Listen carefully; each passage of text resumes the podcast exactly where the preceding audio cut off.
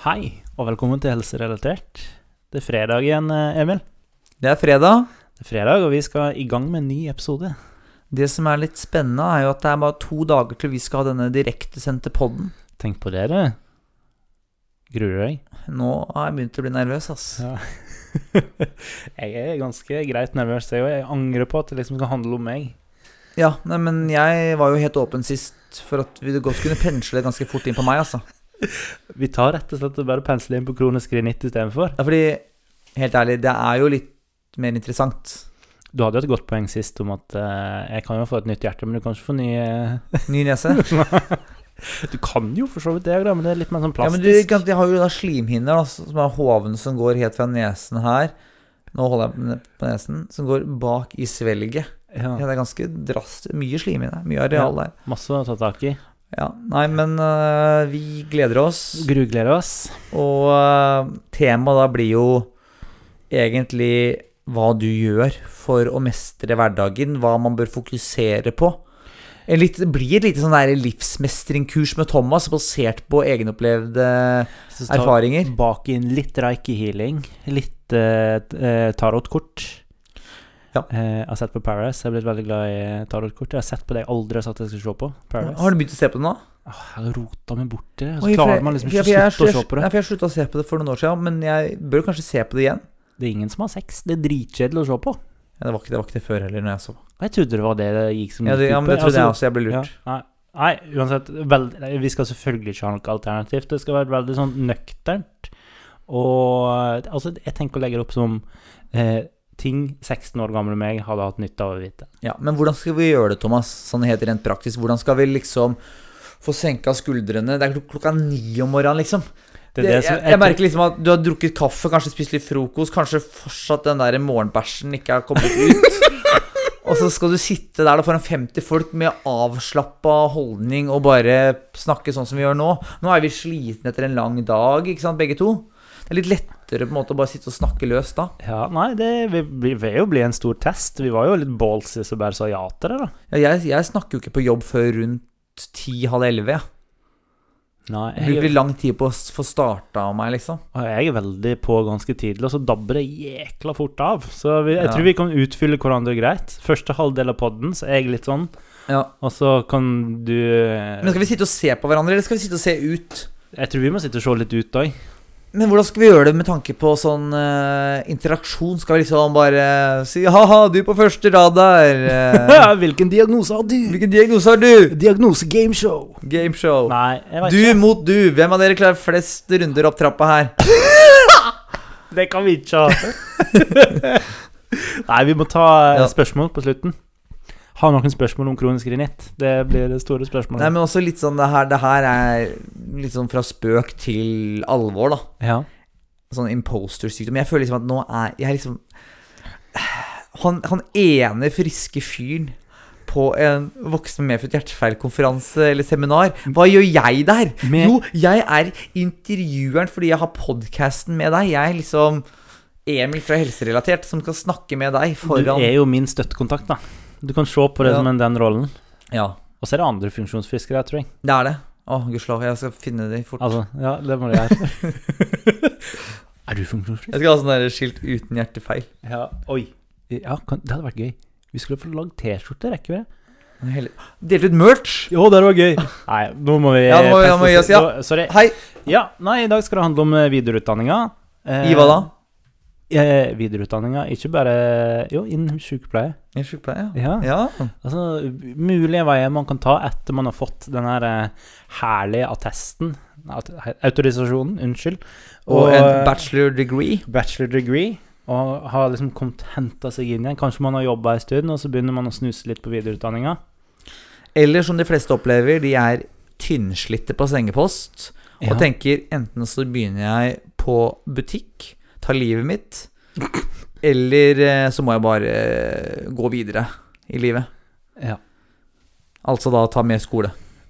ja. Det, Det er, det er mange tynnslitte folk ute på sengepostene, og spesielt nå under korona. Har du fått med deg det? Det er jo Folk er så slitne nå. De er jo slitne fra før. Det er jo egentlig veldig rart, med tanke på at jeg har fått veldig masse applaus under koronaen. Skulle Ja. tro at det bygde opp moralen. Skulle tro at det bygde opp, ja. Men Ja, eh, nå, er det, nå er folk tynnslitte. Folk gråt jo på medisinrommet når jeg var sykepleier også. tenk på det. Jeg husker når nyutdanna kom og begynte hos eh, oss da på Ullevål, så husker jeg at de sto ofte og gråt på medisinrommet for de første vaktene. Eh, Altså fordi det var skummelt, Eller? Altså skummelt, slitsomt, stressende. ikke sant? Folk tar ikke dopause, folk spiser ikke, rekker ikke dokumentere, så sitter en halvtime over, og føler du det som overtid, så får du beskjed av sjefen Hei, det er du som, er du som ikke planlegger tida di bra nok, ikke sant? Jeg eh, bøyer meg i støvet for alle som gidder å jobbe som sykepleier. Ja, og Apropos han kompisen vi snakker om hver episode, Jan Ivar. Ja, Han har bare ni år på sengepost, han. da er du seig. det er sjukt. Janni, Janni, Janni, Janni. Janni! Ja, han er en helt. Det er sjukt. Shout-out til Ja. Janni på Aker. Nei, eh, nå på Ullevål. Shout-out. Ja. Det tror jeg er norgesrekord. Det er det sikkert ikke, men det burde Nei, være det. men han er en av disse som liksom er over 30, som som du finner på sengepost. Da. Jeg husker når jeg begynte på sengepost selv, eh, så var det liksom noen som nærma seg 30, var 30 pluss, og de var liksom De var, de var veteraner, liksom. Mm. Så har du liksom ei på 60 som bare satte seg fast. Ja. Men, eh, eller grodde fast, da. Du har alltid en sånn, Ja, og de, de var jo superviktige for avdelinga. Det var de som fikk ting til å gå rundt. selvfølgelig. Fordi mens eh, de, eh, de ferske sykepleierne sto og gråt på medisinrommet, så var det jo disse, disse supererfarne på 50-60 og disse på 30 år for den saks skyld, som gjorde bestillinger, Mm. rydda på rent lager, hadde oversikt over avdelingen, tok visittene, Hadde stålkontroll. hadde stålkontroll. Det Og som kanskje da tok en god hånd på skulderen til disse stakkars sykepleierne som står og gråter og sier 'det ordner seg'. Du skal gjøre det her for resten av livet. Det ordner seg. Nei, så det ja, var det en god intro. Jeg syns det var en god intro, men de som ikke gror fast, de har jo mange muligheter. Veldig mange muligheter. Det er det vi skal snakke om i dag. Ja, og jeg tenker Skal vi ta en liten surfings på uh, mulige veier å gå, og så ta spørsmål vi har fått uh, innsendt på Instagram? Ja, for vi har fått en del spørsmål den gangen her, faktisk. Ja. Så vi kan, ta, vi kan ta en liten highlight av det som finnes der ute. Ja. Kanskje slenge på et ternekast eller to. ja. Eh, og kjapt gå gjennom mulighetene. Hva ville vi ha valgt? Hva ville vi ikke valgt? Når jeg sier vi, så mener jeg egentlig du, for det er du som Jeg har falt litt ut av alt det her, men jeg holder meg oppdatert. Ja, fordi det vi gjør, er at vi ser litt på ulike retninger man kan ta. Enten det er en teoretisk master eller eh, kanskje en trainee-stilling et sted. Ja. Og så rater vi, da, eller gir karakter på en skala fra 1 til 10. 1 til 10, ja. ja. Det er greit. Eller et ternekast. Hva vil du? Ternekast er bra. Ternekast er bra. Ternekast, ok. Ja, da gir vi et ternekast. Da ruller vi terningen. Ja. Uh, og så, men det blir bare, det blir bare helt subjektivt fra vår side, da. Og hva er det vi skal legge vekt på da? Er det da muligheter for å få jobb? Hvor spennende det er? Eh, hva, er det, hva, hva er det du vil vektlegge da? Hadde dette vært en av dine årlige juleøltester, så hadde vi hatt ulike kategorier, men vi er ikke så komplisert. Nei. Vi setter alt det du nevnte, inn til én ting. Ja. Er det spennende? Gir det jobb? Eh, ville vi valgt det? Ja. Ok, det er en god kombo av det. Supert. Vet du hva, da bare sier jeg litt først, da. Nøkkelinformasjon. Ja. Eh, videreutdanning i sykepleie da er all skole eller kursing man tar som går over minimum ett år. Mm. Så man kan få dokumentasjon på at man har gjennomført. Eh, og da må man jo da stort sett ha en autorisasjon som sykepleier. Minst to års relevant yrkespraksis etter fullført grunnutdanning. Eh, men her kan krav eh, variere lokalt, da. Mm. Og etter hvor stor mangel det er på uh, den aktuelle sykepleierspesialiseringen. Mm. For eksempel under korona, ved intensivsykepleiere, så var det jo kanskje rom for at flere kunne ta steget opp. Selv om du kanskje ikke innfridde alle Ja, jeg er litt, ja, ja, ja, jeg er litt usikker, men jeg tror det. Mm. Uh, ja. Så da er jo da en kort oppsummering. Videreutdanninger da stiller krav til fullført uh, sykepleieskole. En bachelorgrad i sykepleie. Men hvis man blir utdanna før uh, Før det ble vanlig å ta en bachelorgrad, så er det også gyldig. Mm. En autorisasjon som sykepleier trenger man, og man trenger praksis. Uh, og man kan da gå videreutdanninger ved ulike universiteter og høyskoler i Norge. Og hoved, uh, Hovedgrenet er da psykisk helsearbeid, anestesi, operasjon, intensiv, barne- og kreftsykepleie. Det er liksom de store. Så da, Thomas, nå skal vi se litt på forskjellige. Mm. Vi begynner da først med akuttsykepleie. Her er det Høgskolen i Østfold som tilbyr akuttsykepleie. 90 studiepoeng, tre semestre. Ikke en bachelor, eh, ikke en master, mener jeg, men en vanlig videreutdanning, da. Hva tenker du? Akuttsykepleie er jo veldig spennende. Eh, så det tror jeg eh, Man stiller kanskje litt sterkere i forhold til det å jobbe på akuttpost eller akutten, og jeg vet ikke helt hva utdanninga leder til, akkurat. Nei, det er det jeg tenkte litt òg. Fordi intensiv anestesi osv. det fører jo til veldig god akuttkompetanse. Mm, Og gjør deg ekstremt ettertrakta på et akuttmottak hvis du vil jobbe der. ja. Så hva er det akuttsykepleie kan gi deg? Eh, nei, det er egentlig det de skriver her på nettsiden, er at videreutdanning i akuttsykepleie gir kompetanse til å arbeide med akutt og kritisk syke pasienter i bl.a. akuttmottak og legevakt. Ja. Så her tenker jeg umiddelbart at hvis jeg hadde hatt ekstrem dragning mot det akutte, Mm. så ville jeg like så godt valgt intensiv eller anestesi, fordi det åpner flere dører parallelt. ja. Så er jeg ternekast to. Og to, det var strengt. Ja. da, da får jeg litt hyggelig å gi en treer, da. Ja, fordi det er jo spennende. Det er spennende. Også hvis du La oss si du er en som i, veldig tidlig fant ut at jeg skal jobbe med akutt, så kan det jo være innafor å ta Ja. den. Eller være relevant og, og klokt. Og hvis du bare vil jobbe på legevakt, så er det ikke noe vits i å være anestesi, sikkert. Da, da trenger du ikke denne kunnskapen om å legge folk i narkose. Nei, sant. Så, men, det, man, men man veit jo aldri hva man vil på sikt. Nei, altså om fem år så kan hende man Oi, jeg skulle heller ha brukt de ett og et halvt, to åra på å ta en eh, ut, videreutdanning som ga meg enda flere muligheter. Og apropos det, anestesisykepleie er vår neste utdanning. Kremen og kremen, i mine øyne. Ja, anestesisykepleierutdanningen er ganske høyt oppe på rangstigen. Det er jo ingen hemmelighet at det er en, at det er en rangstige. Det er et lite hierarki, enten man eh, vil innrømme det eller ikke. Ja. Og anestesisykepleiere står litt høyt oppe på den. Det er jo som Thomas Bø sa i en episode her, at uh, han ønsket å bli anestesisykepleier fordi han syntes det var så utrolig kult da han som sykepleier så akutteamet, eller stansteamet, kommer løpende, og det var anestesisykepleier. De hadde stålkontroll når alle andre var litt redde. Så kom nei, ja. Ja, Mm. Han ville bli en av de, ja. hvis jeg siterer han riktig nå. Ja, det var det. Det var essensen i det han sa. Han ville være liksom kre eh, kremen og kremen, eller Så for de som ikke vet, altså anestesisykepleiere, de er jo da ansvarlige, eller eh, de har kompetanse på narkose, da. Under operasjonen, ikke sant. Legge pasienten i kunstig søvn. Jeg har masse erfaring med, med ja, det. Ja, Ja. ja, du vet hva det er, Thomas. uh, og så er de ekstremt gode på å legge venefloner. De er liksom de som blir ringt til på sykehusene når man ikke får inn en nål. Ja. Så uh, jeg vil gi en sekser, altså. Jeg vil eh, rulle en sekser. Jeg òg gir en sekser. Det eneste med anestesisykepleie er at det er vanskelig å komme inn. Eh, og både komme inn på studiet, og du får ikke utdanningsstilling. Nei. Mest sannsynligvis ikke. For det er såpass populært. Mm. Da går vi videre ned til eh, barnesykepleie. Hva tenker du der, Thomas? En barnesykepleier er jo da en sykepleier som spesialiserer seg på barn, og da jobber på alt fra barnemedisinsk til barnekirurgisk og barneintensiv. Jobber utelukkende med barn, da. Jeg tenker at nivåer. eh, hvis man eh, virkelig brenner for barn, som jeg har inntrykk av at eh, mange av de som jobber på barneavdelinga gjør, så gir det jo mening. Mm. Og liksom bare faglig påfyll. Kanskje man kan ja være bli, bli den som folk lener seg til på, på den posten. Jeg veit ikke helt. Jo, men jeg er helt enig der. Var det to semester, eller var det Ja, det er tre eller Tre. en master. Ja, det Du kan, du kan velge. Jeg tenker at det er en veldig, veldig relevant utdanning, i hvert fall.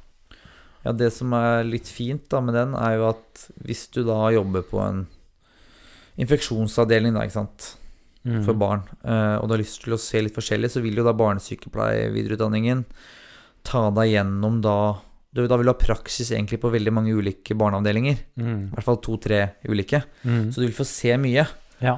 Uh, og i tillegg kan du jo hospitere litt. Mm. Så det vil gi deg ganske bred kunnskap innenfor noe du allerede kanskje er god på. da. Ja.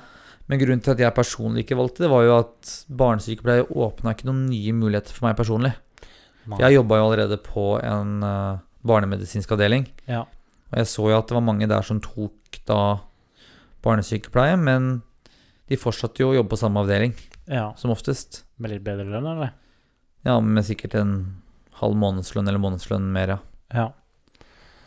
Så, Skal man bruke to år på det, liksom? ja, så det var litt sånn Det var litt sånn turnoff for meg, men jeg ville kanskje gi barnesykepleieren oh, fire pluss fem, altså. Fem, kanskje. Det er jo en solid videreutdanning, altså. Mm. Jeg gir en fem, jeg òg. Ja. Og det er jo Ja, jeg tenker at det For mange er nok det midt i blinken, hvis du ikke har eh, lyst til å jobbe med noe annet enn barn. Nei, ikke sant. Og så har vi jo det motsatte, da. Geriatrisk helsearbeid. Eller ikke det motsatte, da, men de som er på andre sida av skalaen. Andre siden av livet. De som jobber med de store menneskene som bruker bleier, og som ikke husker hvor de har lagt uh, lekene sine. Eldre mennesker på sykehjem Ja. og på institusjoner. Hjemmesykepleie, ikke sant. Og det er jo Det er, det er krevende heavy, ass. Der snakker vi komorbiditet og farmakologiskills. Eh, eller behov for farmakologiskills og masse prosedyrer. Og du må være jækla god med folk. For jeg, hos gamle folk har du, du har folk med 98 års erfaring i det å enten være litt vanskelig eller være ålreit. Så da må, du må være en people person. Og her, Thomas, her, her er jo vi Vi er jo glad i hjemmesykepleie. Vi er glad i eldre folk, vi er glad i sykehjem, vi er glad i eldreomsorgen. Favorittpraksisen min var hjemmesykepleien. Ja, Samme. Var, det var helt eh, konge. Passa meg midt i blinken. Reise rundt, besøke eldre folk hjemme hos seg selv. Eh, snakke, slå av en prat. Gjøre noen prosedyrer, sørge for at de får en bedre hverdag. Jeg synes det, det Jeg hadde vært interessert i den utdannelsen, men det er fordi jeg syns gamle folk er veldig interessert, både med tanke på, sånn som du sa, farmologi, komorbiditet eh, At ja, det er litt andre regler for eldre folk med tanke på eh, hvordan de tar opp medisin og alt mulig. Mm. Det er så masse kult. Og så er det jo da ikke minst eh, ja, en veldig hyggelig pasientgruppe eh, kan være. Så ja. Eh, Mange ulike personligheter. og med eldrebølger som kommer, så er det jo helt sikkert behov for mer kunnskap om eh, eldre. Helt klart. Så Men dessverre, da i vår praksis, så, og du også jobba jo litt i hjemmesykepleien etterpå, så oppdaget man jo den store svakheten med det å bli geriatrisk eh, sykepleier. Det er jo at det er et helvetes mas. det er det. Ikke fra pasientens side, men fra det organisatoriske. Det er et dårlig system. Man skal må gjøre altfor mye på altfor kort tid. Ja. Man setter liksom ikke mennesket i fokus og setter av tid til å få utført prosedyrer med verdighet. Liksom, folk må ligge klare på senga for en kateterisering, eller Mm. sitte klare på do avkledd for å få seg et lite bad, ikke sant? ja. Nei, det det er nok er dessverre veldig ofte sånn at du går ut av døra hvis du jobber i hjemmesykepleien, eller er at du går ut av døra med litt dårlig samvittighet. Så det må man være forberedt på. Og det er man vel kanskje allerede hvis man eh, Jeg antar at folk som tar den videreutdanningen, allerede har jobba med eldre mennesker og har lyst til å lære mer. Ja. Men ja, så er det vel òg kanskje som andre utdanninger vi har snakka om, at det ikke nødvendigvis åpner noen nye dører. Nei, men eh, her er jeg litt usikker. Hvis du blir geriatrisk sykepleier, så må du jo komme litt sånn høyt opp i hjemmesykepleien fort. At du kanskje får noe sånn der eh, I hvert fall noen sånn teamlederjobb og sånn. Fordi min erfaring i hjemmesykepleien var at det var jo mye ufaglært og helsefagarbeidere, og det var jo egentlig få med sånn spisskompetanse, bortsett fra erfaring, selvfølgelig. Ja, og de plassene jeg jobbet i, jeg jobber jo hjemmesykepleien i litt ulike bydeler, eh, så var det jo veldig ofte de dyktigste vanlige sykepleierne ble klatra stigen. Ja. Så det var ikke nødvendigvis greit. Jeg har faktisk ikke vært borti så veldig mange som har hatt den utdannelsen. Nei? Så Men eh, ja. Som sammen med barn, da. At hvis du brenner for å jobbe med eldre, så kanskje det å få faglig påfyll ikke er så dumt. Selv om det ikke nødvendigvis åpner så veldig mange andre dører, eller du kanskje får en kvart månedslønn ekstra i året. Nei, men du skal vi ta, skal vi ta fem, da? Ja, det, jeg syns det er såpass eh, respekt å, å jobbe Såpass med eldre. Ja. Ja, at jeg kan få en femmer. ja. Det når kan, Barnesykepleie og geriatrisk når ikke opp til sekseren fordi det rett og slett ikke gir nye muligheter. Er det det vi Ja. konkluderer med der? Ja. Det gjør vi. All respekt, altså. Det er eh, heavy. Nå har vi jo en eh, videreutdanning som er litt morsom, fordi før så het det helsesøster, men nå heter det helsesykepleie. Det ble kjønnsnøytralt, gitt. Dette her er jo da en av de mest populære veiene å gå for de som jobber på, på barneavdelinger. Mm. Enten så ble det barnesykepleier, eller så ble du helsesykepleier. Mm. Jeg vurderte det selv. Jeg vet ikke om du husker det? Eh, Du nevnte det, det husker Ja, jeg. jeg nevnte. Mm.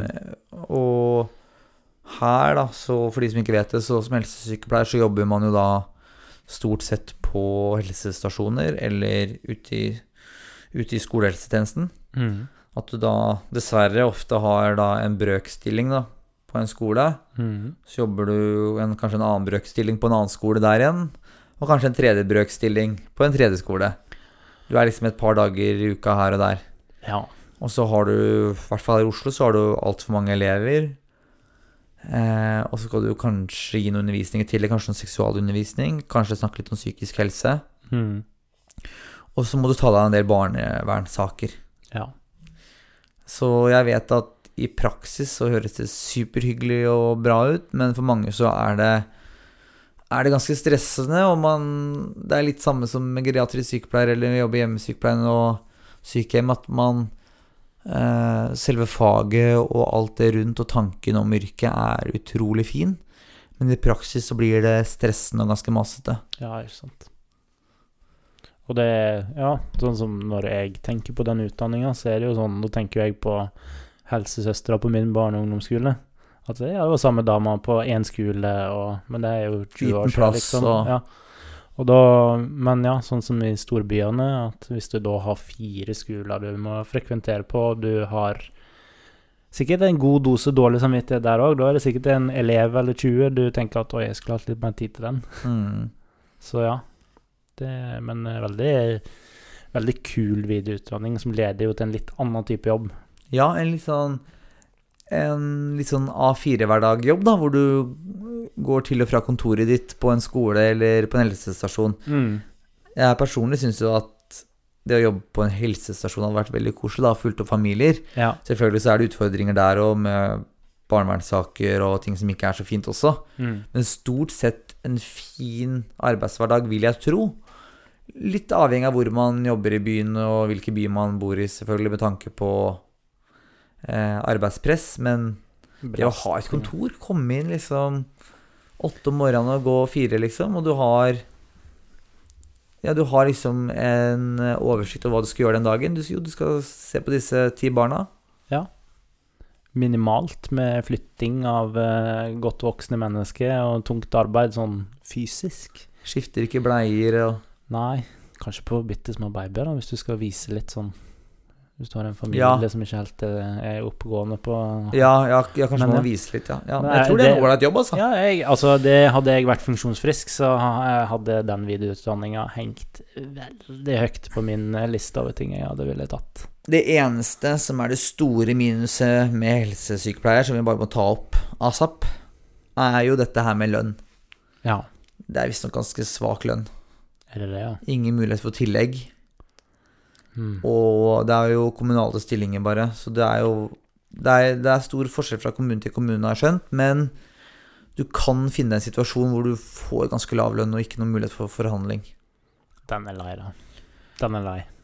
Du er litt avhengig av at det er litt helsesykepleiermangel, men det tror jeg dessverre ikke er. Det har jo vært et sånn har vært et ønske fra staten å ha flere helse, Sykepleiere. helsesykepleiere og flere stillinger, da. Men jeg vet ikke om det, det har blitt noe av. Det må jo bevilges penger til det. Det, er jo, Mm. eh, det stopper jo veldig ofte der. Både med De driver jo og skriker om den eldrebølgen, men å gi sykepleierne mer penger, det gidder jeg ikke. Nei, så jeg, jeg vil her si Sa jeg noe karakter? Sa jeg terning? Nei. Terningkast? Ok, da hiver jeg terningen. Ja. Og den lander nesten på femmer fordi det er så fint og ålreit.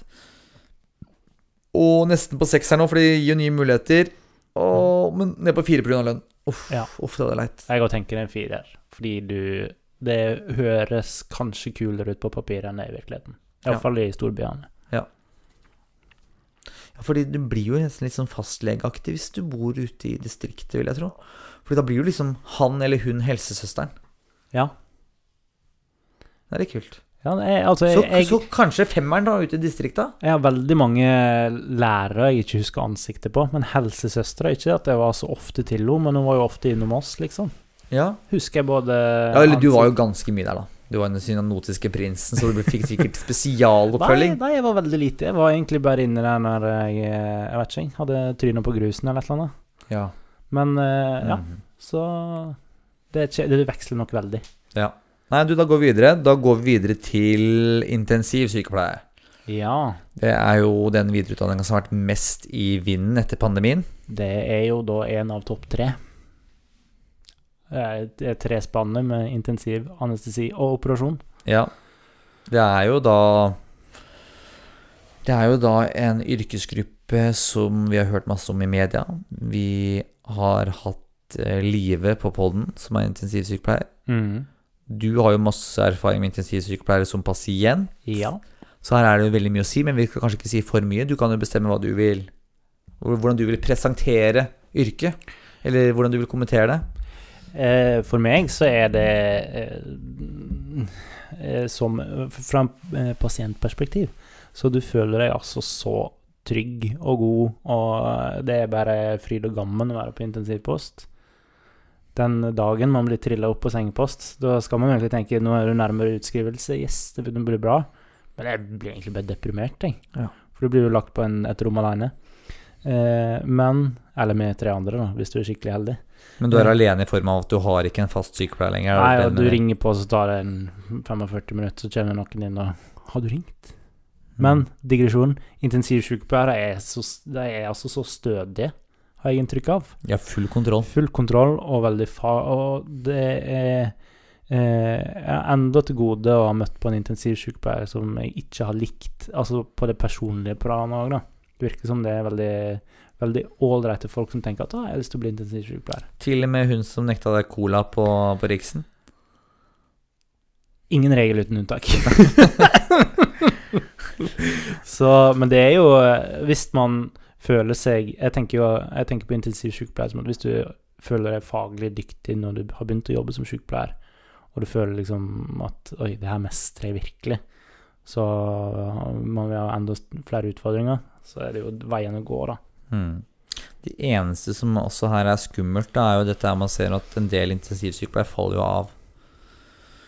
De orker ikke stå i jobben sin lenger. Ja, Så det blir noe helt annet, eller, eller går ut av helse totalt? Ja, de går eller? ut av helse, eller går Mm. tilbake på kanskje en postopp, eller Det blir for hardt, da. Ja. Det er jo hele tiden mellom liv og død. ja. Og det er jo sånn som du var jo, ble jo en god historie, men det kunne jo gått andre veien også. Da er det jo intensivsykepleieren som tar imot foreldra dine og ja, ikke sant? samboer, og det er, de, de ser nok mye samtidig som det er ganske høyt arbeidspress, da, Ja. og mye ansvar. Ja, og øh, Ja. Lange dager, har jeg inntrykk av. Mm, Ja, fordi det er jo så intenst. Ja, det er ikke Du rekker ikke å spille PlayStation på mobilen. Nei. Nei, men du, skal vi gi Ja. intensiv en solid femmer, eller? Ja, Eller solid femmer. sekser? Jeg vil egentlig gi det en sekser, For, fordi det åpner jo veien, eller dører, til en del andre hvis, det, arenaer. hvis det er noen som hører på her, som tenker at «Å, det har jeg lyst til å bli, og er forberedt på at det blir knallhardt, det, men dritspennende, og orke å stå i det, så er det terningkast seks. Ja, det er noe jeg glemte å si, da, men både anestesi og intensiv er ganske ettertrakta på oljeplattformer også. Ja. Så det er en liten pluss. hvis man vil ha andre muligheter. Hvis man blir lei av poststopp på Riksen eller Stavanger sykehus, hvor enn man er, Ja. så kan man ta seg en liten tur i Nordsjøen. ja, Forsvaret også vil sikkert ha deg, så Ja. Nei, det er jo eh, ja, terningkast seks. ja, mange muligheter. Og det med arbeidspress og sånn, det er jo dessverre litt jevnt over i sykepleien, og det er jo ikke sykepleierne sin feil, det er myndighetene sin feil. Ja, det er systemet. Systemet som er fucka. Helseforetak, man skal tjene penger, vet du. Nei, nei, vi kan ikke begynne å rante om det nå, men ja. Nei, det må vi, ha, vi må ha en egen episode om helseforetak. Ja, det må Ja. vi. Nei, Yes, da går vi videre. Da scroller vi nedover til en litt sånn smal uh, sak her, som jeg tror du har hatt litt erfaring med. Noe som heter kardiologisk sykepleier. Som du ikke har hatt erfaring med. Du har vært masse på kardiologisk sengepost, men du kan ikke huske å ha sett skiltet 'kardiologisk sykepleier' på et bryst. Nei. Et mannebryst eller kvinnebryst. Eller et uh, they-bryst. Nei. Nei, det har jeg ikke gjort. Nei. Vi går videre. Med andre ord så er det litt smalt. Det er litt smalt. Eh, Men det er supert eh, for de som jobber på en kardiologisk sengepost, da. Det blir litt sånn som vi snakka om barne- og geriatri, at du faglig påfyll, men det leder ikke til nye ting. Nei, og det her er også en master- og videreutdanning, ikke sant. Så det her du, Det er jo seriøs eh, skole du må gå, liksom. Det er ikke et, det er ikke et halvår eller et år på kurs. Nettkurs. Nei. Eh, Kreftsykepleier, litt samme gata, kanskje? Ja, men det, det er igjen det her Jeg liker ikke det ordet i det hele tatt. Det burde bli tatt vekk fra sykepleien med kall. Det har jo ikke noe med kall å gjøre. Men hvis du er jobber på radium, eller du har jobba med kreftpasienter lang tid, har lyst på faglig påfyll Perf. Perf. Jeg skjønner det kjempegodt hvis du liksom har funnet den ene tingen du elsker å jobbe med. Ja, bare spiss deg inn. Spiss deg Så alle disse her kardiologisk, eh, barn, eh, kreft Alle disse her, hva skal vi gi de? Var det, var det fire eller fem? Jeg husker fire, tror jeg. Ja, fire. Ja. Men sekser hvis du er Hvis du den typen som det. vil jobbe på det stedet lenge, ja. og du brenner for det. Hvis du tror at det kan lede deg til å faktisk jobbe som sykepleier i mange år. Ja, da er det bare å gå for det, og Ja. da er det midt i blinken for deg. Ja. Skal vi se her Da har vi jo egentlig vært gjennom de, alle de store. Oh. Og så har vi jo da Vi har jo noen sånne luringer, ikke sant. Vi har jo da eh, Sånn eh, Vi har jo da master i eh, sykepleierteori. Eh, litt sånn forskjellige greier som du kan ta på Blindern, ikke sant. Ja. helseledelse på BI. Det er litt, sånn, litt sånne det er forskjellige ting. Eh, men jeg har ikke nok kunnskap om det, så jeg vet ikke om vi skal gå inn i det. Men det er i hvert fall mange muligheter som sykepleier. Og det er flere studier man kan velge mellom enn man skulle tro. Hvis man ikke har lyst til å ta en videreutdanning og fortsette med noe spesielt med klinisk eller med pasientkontakt, så er det noen andre veier man kan gå, da. Mm. La oss si at man, sykepleier var ikke noe for deg, men du har lyst til å bli sykepleierteoretiker. Eller lyst til å jobbe for Kreftregisteret. Eller lyst- helt, gå en helt annen vei. Eller lyst Liksom. til å jobbe i organisasjoner, veldedige organisasjoner. Mm. Så kan man kanskje ta noe økonomi, kanskje ta noe ledelse. Kanskje Ja. man har lyst til å bli leder. Det er mange veier å ta. Man er veldig ettertrakta som sykepleier i, eh, i helt, ting som man ikke tenker på engang. Man er det. Uh, Jo, du. Vi nevnte ikke operasjon. gjorde ikke du det? Gjorde vi? Nei, det gjorde vi kanskje ikke. Nei. Din eh, Ja, det er jo det du har blitt, Emil. Mitt, mitt hjertebarn. Operasjonssykepleier er bare kort fortalt eh, Det er jo de som da assisterer under inngrep, gjør klar for inngrep og jobber på alt fra da store sykehus med liksom transplantasjoner til eh, dagkirurgi. Eh, kan jobbe på kanskje en huklinikk og være med å fjerne føflekker, liksom. Det er alt mulig. Du kan også jobbe på oljeplattform i Forsvaret. Man har alle muligheter åpne. Terningkast. Terningkast seks. Det er kult. Ja. Eh, det er absolutt en fordel å ha bitte litt OCD. At du liker at ting skal ligge der det ligger og sånn. Man bør være ganske ordentlig av seg, være interessert i blod og anatomi. Ja, Du kan ikke være en som brekker seg når det er litt sårt stell på sengeposten. Nei, jeg var jo med på kneprotese her nå for litt siden. Ja. Jeg var på fire proteser og, i dag. Og, da tar du basically bare skjærer 30 cm fra under, litt under kneet og til over kneet, bretter ut, og så bare sager du bort det meste på kneet, og så erstatter du det. Og så syr du igjen. Det er ganske grafisk, og du får jo fleisten full av ben og blod. Men står du da og tenker Står du da og ser ned på det kneet og tenker at sånn ser det ut inne med en gang? Ja. Gjorde du det når du jobba på hjertet og så inn i brysthulen og sånn? Ja. ja, for det hadde, jeg hadde blitt helt opphengt i det at bare Ser jeg sånn ut inni? Ja. Og ser litt- deg rundt Altså sånn du, da. Ja. Hadde jeg sett et åpna bukhule, så hadde jeg sett deg etterpå, så hadde jeg bare liksom fått sånn Supermann-syn. X-ray vision. Ja, det er, litt, det er litt stilig. Hva skjer når man skyver, skyver det organet her til side? Hva skjer hvis man skyver det til side? Hva, ikke sant, ja. Det er litt spennende. Det er liksom de, det, det er de scenene man hopper over i Grace Anatomy og sånn. Jeg føler jo at alle som jobber på en operasjonsavdeling, de har jo Det er jo et eller annet litt rart med de, på en måte. Det er jo det er liksom de som syns det er morsomt å se inni mennesker. Ja. Nei, det er spesielt, men det Ja. er så fantastisk at noen har lyst til å gjøre det. Jeg er veldig takknemlig for det, i hvert fall. Og jeg vet om veldig mange andre som er det. Eneste minus med operasjonssykepleier da, kontra intensiv anestesi Mm. Intensiv er kanskje også litt mer i samme, samme um, gruppa som operasjon, siden de må snu mye pasienter. Men operasjonssykepleier er et veldig manuelt yrke. da Ja. Man bruker kroppen mye, og det er ikke alltid trening Det er mer, mye slitasje. Eller potensiell slitasje, da. Ja, For du står jo i mange timer. Står ekstremt mye, eh, og man holder mye i litt rare stillinger, enten det er kamera eller en hake. da Hake er noe, noe i metall Mm. som man putter inn i kroppen og holder til side, f.eks. et organ eller muskel. Mm. Man kan stå og holde ting ganske lenge. Så det er jo det er litt, sånn, litt sånn slitasje Man er litt eh, slitasjeutsatt. Da. Man må ha god helse, være bra trent, ikke ha ryggproblemer eller vondt i knærne. Eller Nei. musearm, nei. Nei, Nei, man, ja. Det er jo, sånne ting er jo viktig å tenke eh, når man velger videreutdanning, tenker jeg. Og liksom tenke gjennom alle sider ved videreutdanninga. Ja. Les litt. Snakk gjerne med noen som er det. Og gjerne hospiter. Ja, det kan man jo gjøre. Bli med på operasjonsavdeling, bli med ut i hjemmesykepleien, bli med på ting du ikke har sett, eller er lenge siden du har sett. Vet du hva, Thomas? Da snurrer vi eh, Spørsmål? videre til spørsmål, ja. Ja, vi har fått mange spørsmål. Eh, okay. Jeg skal vel kanskje si navnene til deg som har stilt? Jeg vil det. Jeg vet ikke. Ja. Jeg kan stoppe. Jeg kan eh, droppe Du kan ta fornavnet. Eh, Erik spør Må ha ett til to års praktisk erfaring som sykepleier før videreutdanning. Sant? Usant? Stort sett sant med to år klinisk eller relevant erfaring. Eh, det, det her gjelder spesielt da operasjon, intensiv anestesi, barnesykepleie Og det her så jo jeg og geriatrisk. Ja. Videreutdanning var jo noe jeg så veldig på når jeg fant ut at det å jobbe som sykepleier ble litt for tungt med Mm. min fødselfeil. Og da Det som stoppa meg da, var at jeg hadde jobba 100 i noen måneder for lite Mm. til å kunne kvalifisere meg til å ta videreutdanning. Og det gjaldt òg innenfor teoretiske eh, Altså eh, gå på høgskolen og fagutviklingssykepleier, f.eks. ja, det gjorde det. Ja, dessverre. Iallfall Mm. den gang. Det kan ha endra seg. Det her er jo da noen år Og, siden. det- og, og det her kan man jo debattere, fordi da tar det fryktelig mange år å bli en spesialsykepleier.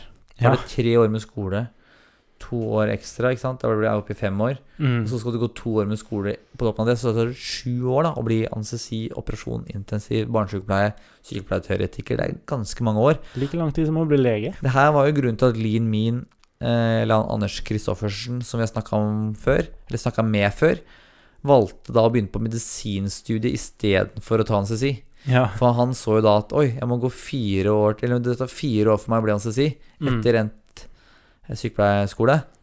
Mens det tar jo bare seks år å bli lege. Ja. Så hvorfor ikke ta de to ekstra åra? Interessant. Det er veldig interessant. Mm. Ingvild lurer på eh, forslag til hva en operasjonssykepleier kan gjøre utenom operasjonssykepleie. Ja, det er jo Man har jo alle muligheter som en vanlig sykepleier har. Mm. Selvfølgelig. Man kan jo også Man kan være litt bedre kvalifisert kanskje til en lederjobb på en operasjonsavdeling. Eller eh, kanskje begynne å undervise på en skole. Mm. På en sykepleierskole, selvfølgelig, da. For enten sykepleierstudenter eller operasjonssykepleierstudenter. Man kan også begynne å jobbe på oljeplattform. Det er ikke helt optimalt med operasjon. Man vil gjerne egentlig ha en anestesi eller intensiv, men man kan komme innom med operasjon også. Eh, og så er jo selvfølgelig Forsvaret en mulighet, sa jeg det? Eh, nei, jeg tror ikke du sa det. Eh, ja, så man har, man har muligheter. Ja. Man har jo tatt litt mer skole, og det kan gi positive utslag ulike, ulike steder. Høres veldig bra ut. Julie lurer på ta master eller bare videreutdanning. Bare i hermeteng? Hvis man liker skole og orker, eh, og får overtalt f.eks. en arbeidsplass som betaler for utdanningsstilling, eh, så ville jeg gått for master. Man taper aldri på å ha en master. Nei. Problemet med å ikke ta masteren, det er jo det at det er litt vanskeligere å få tatt den seinere. Ja. Det blir litt knotete. Mm. Så like gjerne gå for den, på en måte. Ja, gå for masteren hvis du orker. Mm. Karianne lurer på videreutdanning. Burde snakkes om tidligere på grunnstudiet. Motiverer til gode karakterer. Ja, for det er ikke til å komme fra at eh, sykepleien er til en viss grad uh, en folkehøyskole med innslag av anatomi og fysiologi. Ja. Det er litt mye festing, og folk tenker at ok, nå har jeg kommet inn på sykepleien, nå skal jeg bli ferdig. Men så tenker man kanskje ikke på at disse karakterene man får underveis, spiller noen rolle. Fordi man veit jo at man får jobb uansett som sykepleier, enten du har Mm. E i alle fag.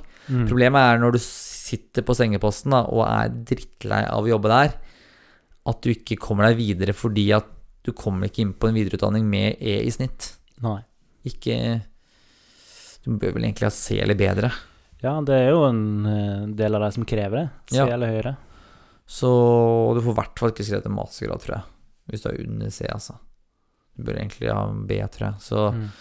så det bør bli snakka litt om for å motivere studentene, rett og slett. Og der er jo på en måte sykepleierstudiet litt sånn ekstra vanskelig med tanke på det med karakterer, tenker jeg, for du er såpass masse i praksis. Og det jeg tenkte nesten til tider var i praksis, var at eh, ja, nei, jeg er ikke student, jeg. jeg går, du går jo på en måte på en 100% jobb flere måneder, Mm. Og så skal du i tillegg drive med Altså, jeg Det går jo over et år Ja, jobb, egentlig, i løpet av de tre åra. ja, og da glemmer man kanskje litt å lese, og så må man ta det igjen. Og så er man jo ung som regel, mm. og møter nye venner, man fester litt, man spiller litt PlayStation, man Flytta til et nytt sted, mest sannsynlig. Ja, man trener, man gjør andre ting også.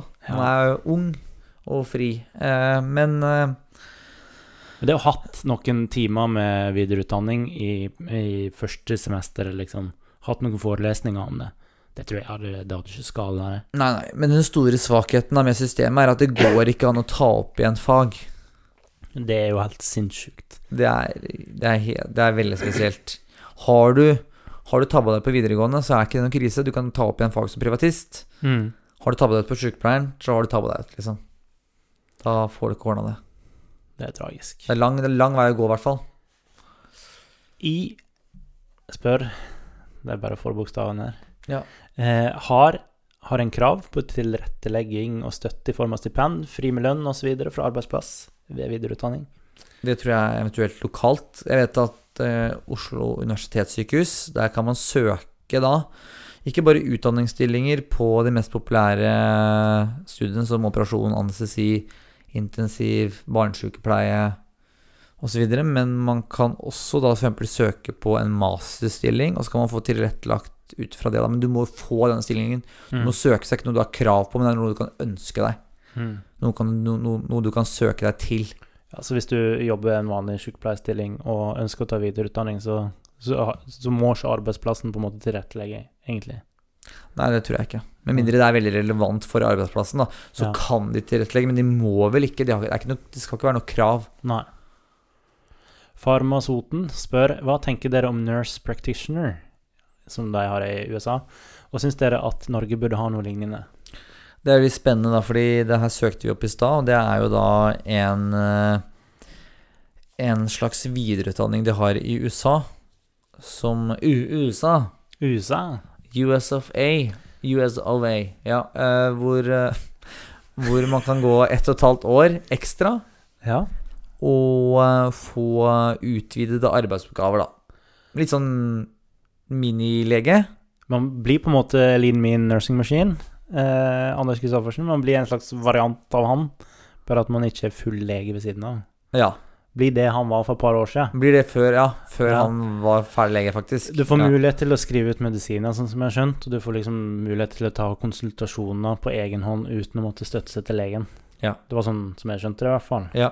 Eh, Det varierer sikkert fra stat til stat. Det er sikkert utrolig komplisert, for det, er jo USA. Det er jo ja, I noen stater så har du sikkert eh, lov å gjøre akkurat det du vil, når du vil. Jeg leste litt om det i stad også, at det har blitt litt kritisert fordi eh, hva det innebærer eh, varierer jo litt, men det, det varierer også litt hvordan denne utdanningen er. Det er alt fra liksom du får powerpoint, powerpoint slides til Mm. eh, ja, til eh, ekstremt god opplæring, hvor du må ha minst 500 500 timer klinisk erfaring eh, med noen veileder bak deg. da. Ja. Så det kan nok være ganske solid. Men jeg vet ikke helt hva man skulle gjort i Norge. Om man skulle da lagd en egen videreutdanning som heter minifastlege, eller fastlege light. eller fastsykepleier. Fastsykepleier. Ja, det blir jo på en måte en slags helsesøster, men Ja, det eh, blir egentlig helsesy ja, helsesykepleier. helsesøster. Jeg kommer aldri til å ikke kalle det det. Helsesykepleier. Helsesykepleier. Det er også et teit navn. Eh, Ja. Alle sykepleiere handler om All sykepleier handler om helse. Ja. Nei, det er veldig rart. Men eh, Helserelatert sykepleier. jeg tenker at eh, det føles kanskje litt overflødig i Norge med nurse practitioner. Det er absolutt rom for det, men vi, hvordan man skulle liksom ordna det, er litt vanskelig. Ja. Kanskje i egen. Kanskje i framtida. Det er noen som eh, får plass til det? Men, det? men man har jo i, i USA så har man også en ordning for operasjonssykepleier hvor de kan bli assistentkirurger, eller assistentoperatører. Ja. Hvor de liksom kan åpne og lukke litt og ordne og assistere under inngrep. Istedenfor å assistere med instrumenter, så, så assisterer man i feltet. Da. For på alle operasjoner så har man jo en hovedoperatør Mm. og en assisterende lege, da. Mm. Og så har man en operasjonssykepleier som assisterer begge legene. Mm. Men man kan på en måte bli assistentlegen. Ja. Og Det er jo også noe litt sånn à la det der, nurse, Ja. nurse practitioner, hvor det blir sånn uh, oppgaveglidning, da. ja. Man tar liksom noen oppgaven til legen. Pga. sikkert mangel på folk, og man er billigere arbeidskraft, ikke minst. Ja, og la oss si sånn som deg, da. Hvis du har jobba x antall år, så blir du jo Du blir jo god, på en måte. Litt sånn sånn som Ja. eldre garn og sykepleiere Mm. som har jobba De er jo så gode. Ja. Så eh, I igjen lurer på Er det karakter, karakterkrav for å komme inn på videreutdanninger Ja. generelt? Eh, ja, det er det. Ja. Eh, Line lurer på eh, Ta med muligheter i privat sektor. Vil at vi skal snakke litt om Ja. det.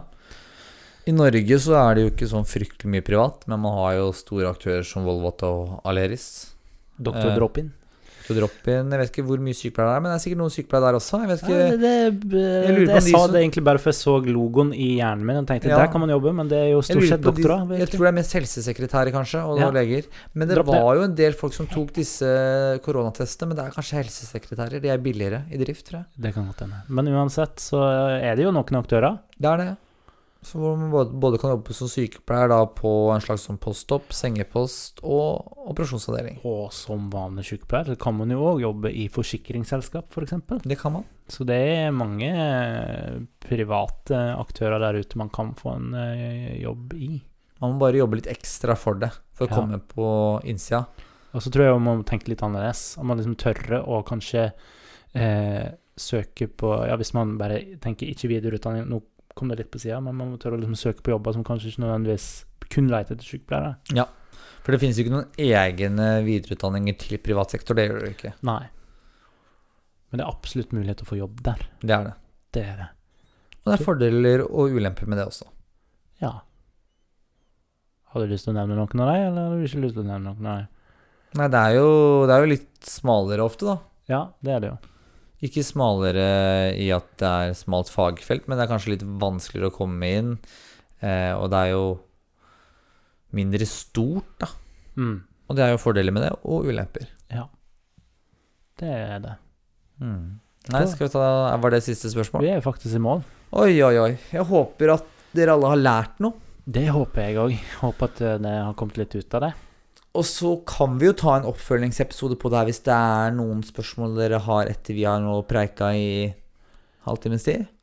50 minutter har vi prata. 50 minutter! Ja, ja, ja. Oi, oi, oi. Ja, Hvis dere har noen spørsmål til det her, Ja. så bare send det inn. Det skal Plutselig så har vi en gjest òg som har eh, undersøkt alt av videreutdanning. Eller det, ja, vi tar Ja. gjerne en oppfølgingsepisode. Ja, og vi vil jo fortsette å intervjue eh, sykepleiere som har valgt ulikt her i livet. ja. Og vi, har, vi må jo også vise til våre episoder med Live, da, som, anestesi, som er intensiv sykepleier. Thomas Bø, som er Anestesi.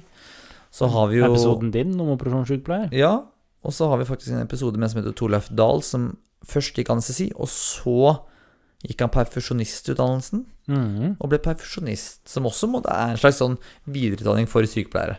Og perfusjonist er den som styrer hjerte-lungemaskina. Og det ligger nå fire stillinger ute der, by the way. Søk. Søk. Nei, Ja. men eh, takk til alle som hører på. Så sees vi. Ha en god helg. Hei da.